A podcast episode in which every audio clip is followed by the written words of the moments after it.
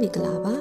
နာဆင်ညီမ podcast ကနေပြန်လည်ကြိုဆိုလိုက်ပါတယ်ဒီတစ်ခါဝင်မြပေးလို့တဲ့အကြောင်းအရာလေးကတော့ gender discrimination ဆိုတဲ့ဟာလေးပဲဖြစ်ပါတယ်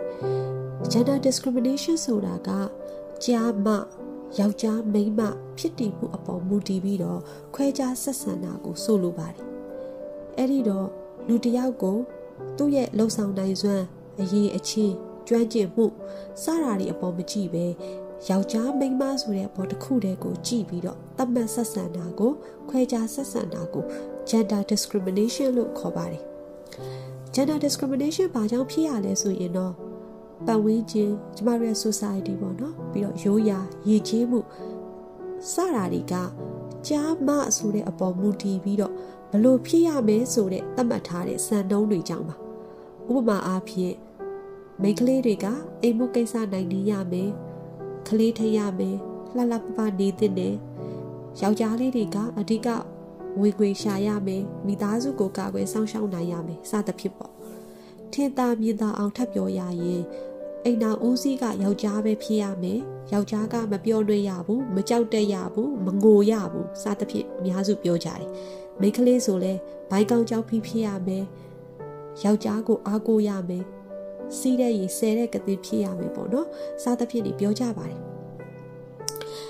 အဲ့လိုမျိုးကြားမဖြစ်တည်မှုအပေါ်အခြေခံတဲ့သတ်မှတ်ချက်စံနှုန်းတွေနဲ့ဆုံးဖြတ်ချက်ဆုံးဖြတ်ကြတဲ့အခါမှာပေါ့နော်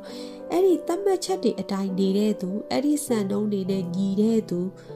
အဲ့ဒီသူတွေကတော့ဘာမှပြဿနာမရှိဘူးအဆင်ပြေပါတယ်ဒါပေမဲ့အဲ့လိုသတ်မှတ်ချက်တွေစံသတ်မှတ်ချက်တွေနဲ့မတူဘဲနဲ့ဒါမှမဟုတ်အဲ့ဒီစံသတ်မှတ်ချက်တွေနဲ့ရိမ့်ရိုက်နေတဲ့သူတွေဆိုရင်တော့ခွဲခြားဆက်ဆံခံလာရပါတယ်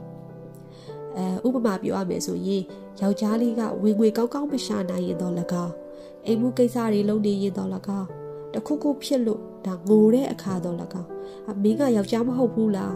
ယောက်ျားတယောက်ဖြစ်ပြီးဒါတော့မလုံနိုင်ဘူးလားဆိုပြီးပြစ် ပြစ်တင်ဝေဖန်အနေခံရတယ်ပေါ့နော်အိမ်တော်တစ်ခုမှာမိမလှုပ်သူကငွေပိုပြီးရှာနိုင်လို့ယောက်ျားကအိမ်မှုကိစ္စတွေပဲလုပ်တဲ့အခါယောက်ျားကိုအစွမ်းစားမရှိဘူးမိမထမိန်သားပဲခိုးစားနေတယ်ဆိုပြီးတော့ဒါအထင်သေးခံရတယ်အဲ့ဒီတော့လင်မယားနှစ်ယောက်ကြားသူ့ဘာသာအဆင်ပြေနေရဲ့နဲ့ပတ်ဝန်းကျင်အတိုင်းဝိုင်းရဲ့ရိုက်ခတ်မှုကြောင့်ဒီလိုတတ်မှတ်ချက်ဆန်နှုန်းတွေကြောင့်ပြဿနာတက်လာနိုင်တယ်ပေါ့နော်အဲ့လိုပဲမိန်းကလေးကအိမ်မှုကိစ္စတွေမလုပ်ရင်တော့၎င်း တိတ်တိတ်မွေ့မွေ့မနေရင်တော့၎င်းဒါမှမဟုတ်ဥဆောင်ဥရွက်ပြုတ်နေရင်တော့၎င်းမိမကြမ်းကြီးပါအမိမဖြစ်ပြီးအိမ်မှုကိစ္စတော့မနိုင်တာရှက်စရာကောင်းတယ်အဲပြီးတော့မိမဖြစ်ပြီးတော့နေရတကာပါနေတာပဲဆိုတာမျိုးလှောင်ပြောင်ကြတယ်ပေါ့နော်အဲ့တော့အရေးအချင်းချင်းတူနေရင်တောင်မှမိမဖြစ်နေတာကိုဒါချိုရဲချက်တစ်ခုလို့တစ်စစ်နိုင်ပြီးတော့တွေးကြပြီးတော့အမျိုးသမီးခေါင်းဆောင်တာကိုယုံကြည်မှုနေကြတယ်ပေါ့နော်အဲအိမ်တော်ဦးစီးတို့ ရက်ွက်လူကြီးရက်ရွာလူကြီးအစရှိတဲ့ခေါင်းဆောင်နေရာဒီမှာဆိုရင်အမျိုးသားပဲဖြစ်တဲ့နဲ့ဆိုတာမျိုးကျမတို့ရဲ့စိတ်တွေထဲမှာရိုက်သွင်းခံထားရတယ်။အမျိုးသားတွေကပဲအထင်သေးတာအဲ့လိုသတ်မှတ်ထားတာမဟုတ်ပါဘူးနော်။အမျိုးသမီးတွေကိုယ်တိုင်ကကိုအမျိုးသမီးအချင်းချင်းထက်အမျိုးသားတွေဦးဆောင်တာကိုပို့ပြီးတော့ယုံကြည်လက်ခံလေးရှိပါတယ်။ဒါဟာဘာကြောင့်လဲဆိုလို့ရှိရင်ကျမတို့တွေငယ်စဉ်ကလေးဘဝကတည်းက ကြားမှဖြစ်တည်မှုတွေအပေါ်အခြေခံထားတဲ့ဒီလိုသတ်မှတ်ချက်တွေကိုအယိုးဆွဲပြီးတော့အဲ့ဒီစံနှုန်းတွေနဲ့ခွဲခြားဆက်ဆံတာဒီပုံမှန်ဆိုပြီးတော့ယူဆထားလို့ဖြစ်ပါတယ်အဲတကယ်တမ်းဆိုလို့ရှိရင်မိန်းကလေးမှမဟုတ်ဘူးပေါ့နော်လူတိုင်းကဒီလိုသတ်မှတ်ချက်တွေကြောင့်ဒီလိုခွဲခြားဆက်ဆံခံရတဲ့ gender discrimination ကိုအနည်းနဲ့အများခံစားကြရပါတယ် ပတ်ဝန်းကျင်အတိုင်းဝိုင်းပေါ်မူတည်ပိုခံစားရတဲ့နေရာနဲ့ပိုနည်းနည်းရောတဲ့နေရာတွေနဲ့တော့ကွာတာပေါ့နော်အရှိမကျွန်မဥမာတွေမှာပြောပြခဲ့သလိုပဲဒီလို gender discrimination ဆိုတာကယောက်ျားလေးရောမိန်းကလေးရောကခံစားရပါတယ်အဲဒါပေမဲ့လေတကဘာလုံးမှာပေါ့ဒီအမျိုးသားတွေနဲ့ရှင်းမယ်ဆိုရင်တော့အမျိုးသမီးတွေဒီပို့ပြီးတော့ discrimination ခံရပါတယ်ခွဲခြားဆက်ဆံခံရပါတယ်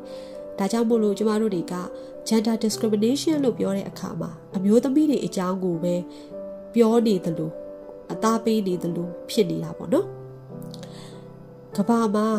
မိန်းကလေးအများစုကဒီငယ်စဉ်ကလေးဘဝကလေးကကန့်သက်ချက်တွေနဲ့ရှင်သန်ရပြီးတော့အခွင့်အရေးတွေဆုံးရှုံးကြရပါတယ်အဲမိန်းကလေးမိုးလို့တေစာရှင်စာတက်ရင်ရပြီဆိုပြီးတော့စာတင်ရမယ့်အရွယ်မှာကျောင်းဆက်မတက်ခိုင်းတာအသက်မပြည့်သေးဘဲနဲ့အိမ်အောင်တီးချပေးတာဆယ်ကျော်သက်အရွယ်နဲ့ကိုဝင်ဆောင်ရတာအိမ်မှုကိစ္စတွေကိုအသက်အရွယ်နဲ့မမျှပဲလှုပ်ဆောင်ရတာအိမ်တွင်းအကြမ်းဖက်မှုတွေခံရတာအများကြီးပါ အဲမိန်းကလေးတယောက်ဒီသူဘာဖြစ်ချင်လဲသူဘာလုပ်နိုင်လဲဆိုတာတွေကိုသူကပြောပိုင်ခွင့်ဆွေးနွေးပိုင်ခွင့်မရှိဘူးမိန်းကလေးဖြစ်လို့ကိုသူ့မှာကန့်သက်ချက်တွေကယောက်ျားလေးတွေထက်လဲပိုများနေပြီးတော့ခွဲခြားဆက်ဆံခံရပါတယ်သူတို့တွေမိန်းကလေးတွေကရရှိရမယ့်သူတို့ကိုယ်ပိုင်အခွင့်အရေးတွေကိုဒီလိုကန့်သက်ချက်တွေဒီလိုခွဲခြားဆက်ဆံမှုတွေအောက်မှာသူတို့အခွင့်အရေးတွေဆုံးရှုံးသွားကြရပါတယ်ဒီလိုအခြေအနေတွေရှိနေတာကို လူတိုင်းကကျမတို့နားလည်ထားတဲ့နဲ့သိထားတဲ့ပါတယ်ကိုယ်တိုင်မခံရရင်တော့မှာပေါ့နော်အမျိုးသမီးတွေရောအမျိုးသားတွေရောအထူးသဖြင့်ဒီလူငယ်တွေက gender discrimination ဆိုတာကိုနားလည်ဖို့လိုပါတယ်ဒါမှသာအနာဂတ်မှာဒီလိုခွဲခြားဆက်ဆံခံရတာတွေကတဖြည်းဖြည်းရောကြလာမှာဖြစ်ပါတယ် အဲမှတ်ချက်အနေနဲ့ဒီ podcast လေးမှာထပ်ဆောင်ပြောလိုတာက gender discrimination မှာ gender လို့သုံးနှုန်းထားပေမဲ့သူ့ရဲ့အဓိပ္ပာယ်ဖွင့်ဆိုချက်မှာကယောက်ျားမိန်းမဖြစ်တည်မှုအပေါ်မူတည်ပြီးခွဲခြားဆက်ဆံတာကိုပဲအဓိကဆိုလိုပါတယ်အဲအချို့ကယောက်ျားမိန်းမပဲခွဲထားတဲ့အတွက် gender လို့မသုံးဘဲနဲ့ sex discrimination လို့လည်းခေါ်ပါတယ် ဟိုကျမတို့ဒီ LGBTQIA+ အစရှိတဲ့ဒီသူတွေပေါ်မှာခွဲခြားဆက်ဆံတာကိုတော့ discrimination based on sexual orientation and gender identity ပေါ့နော်မြန်မာလိုကြားမလက္ခဏာနဲ့လေစိတ်ခံယူမှုအပေါ်မူတည်ပြီးတော့ခွဲခြားဆက်ဆံခံရတာကအခြားကျေပြန့်တဲ့ဆွေးနွေးစရာအများကြီးရှိနေတဲ့ level တစ်ခုဖြစ်ပါတယ်ဒါကြောင့်မို့လို့ဒီ podcast မှာတော့မိန်းကလေးနဲ့ယောက်ျားလေးတွေခံစားရတဲ့ gender discrimination ဆိုတဲ့ဒီခေါင်းစဉ်အောက်မှာပဲဆွေးနွေးသွားတာဖြစ်ပါတယ်အဲအခုလိုမျိုး အချိန်ပေးပြီးနားဆင်ပေးတဲ့အတွက်လည်းကျေးဇူးများကြီးတင်ပါတယ်။ကျွန်မပြောတဲ့နေရာမှာကြံခဲ့တာတွေဆွေးနွေးချင်တာတွေသဘောမတူတာတွေရှိရင်လည်း comment မှာရေးပေးခဲ့ပါအောင်နော်။နားထောင်ပေးတဲ့အတွက်လည်းကျေးဇူးအများကြီးတင်ပါတယ်။အားလုံးပဲဘေးကင်းကြပါကြပါစေ။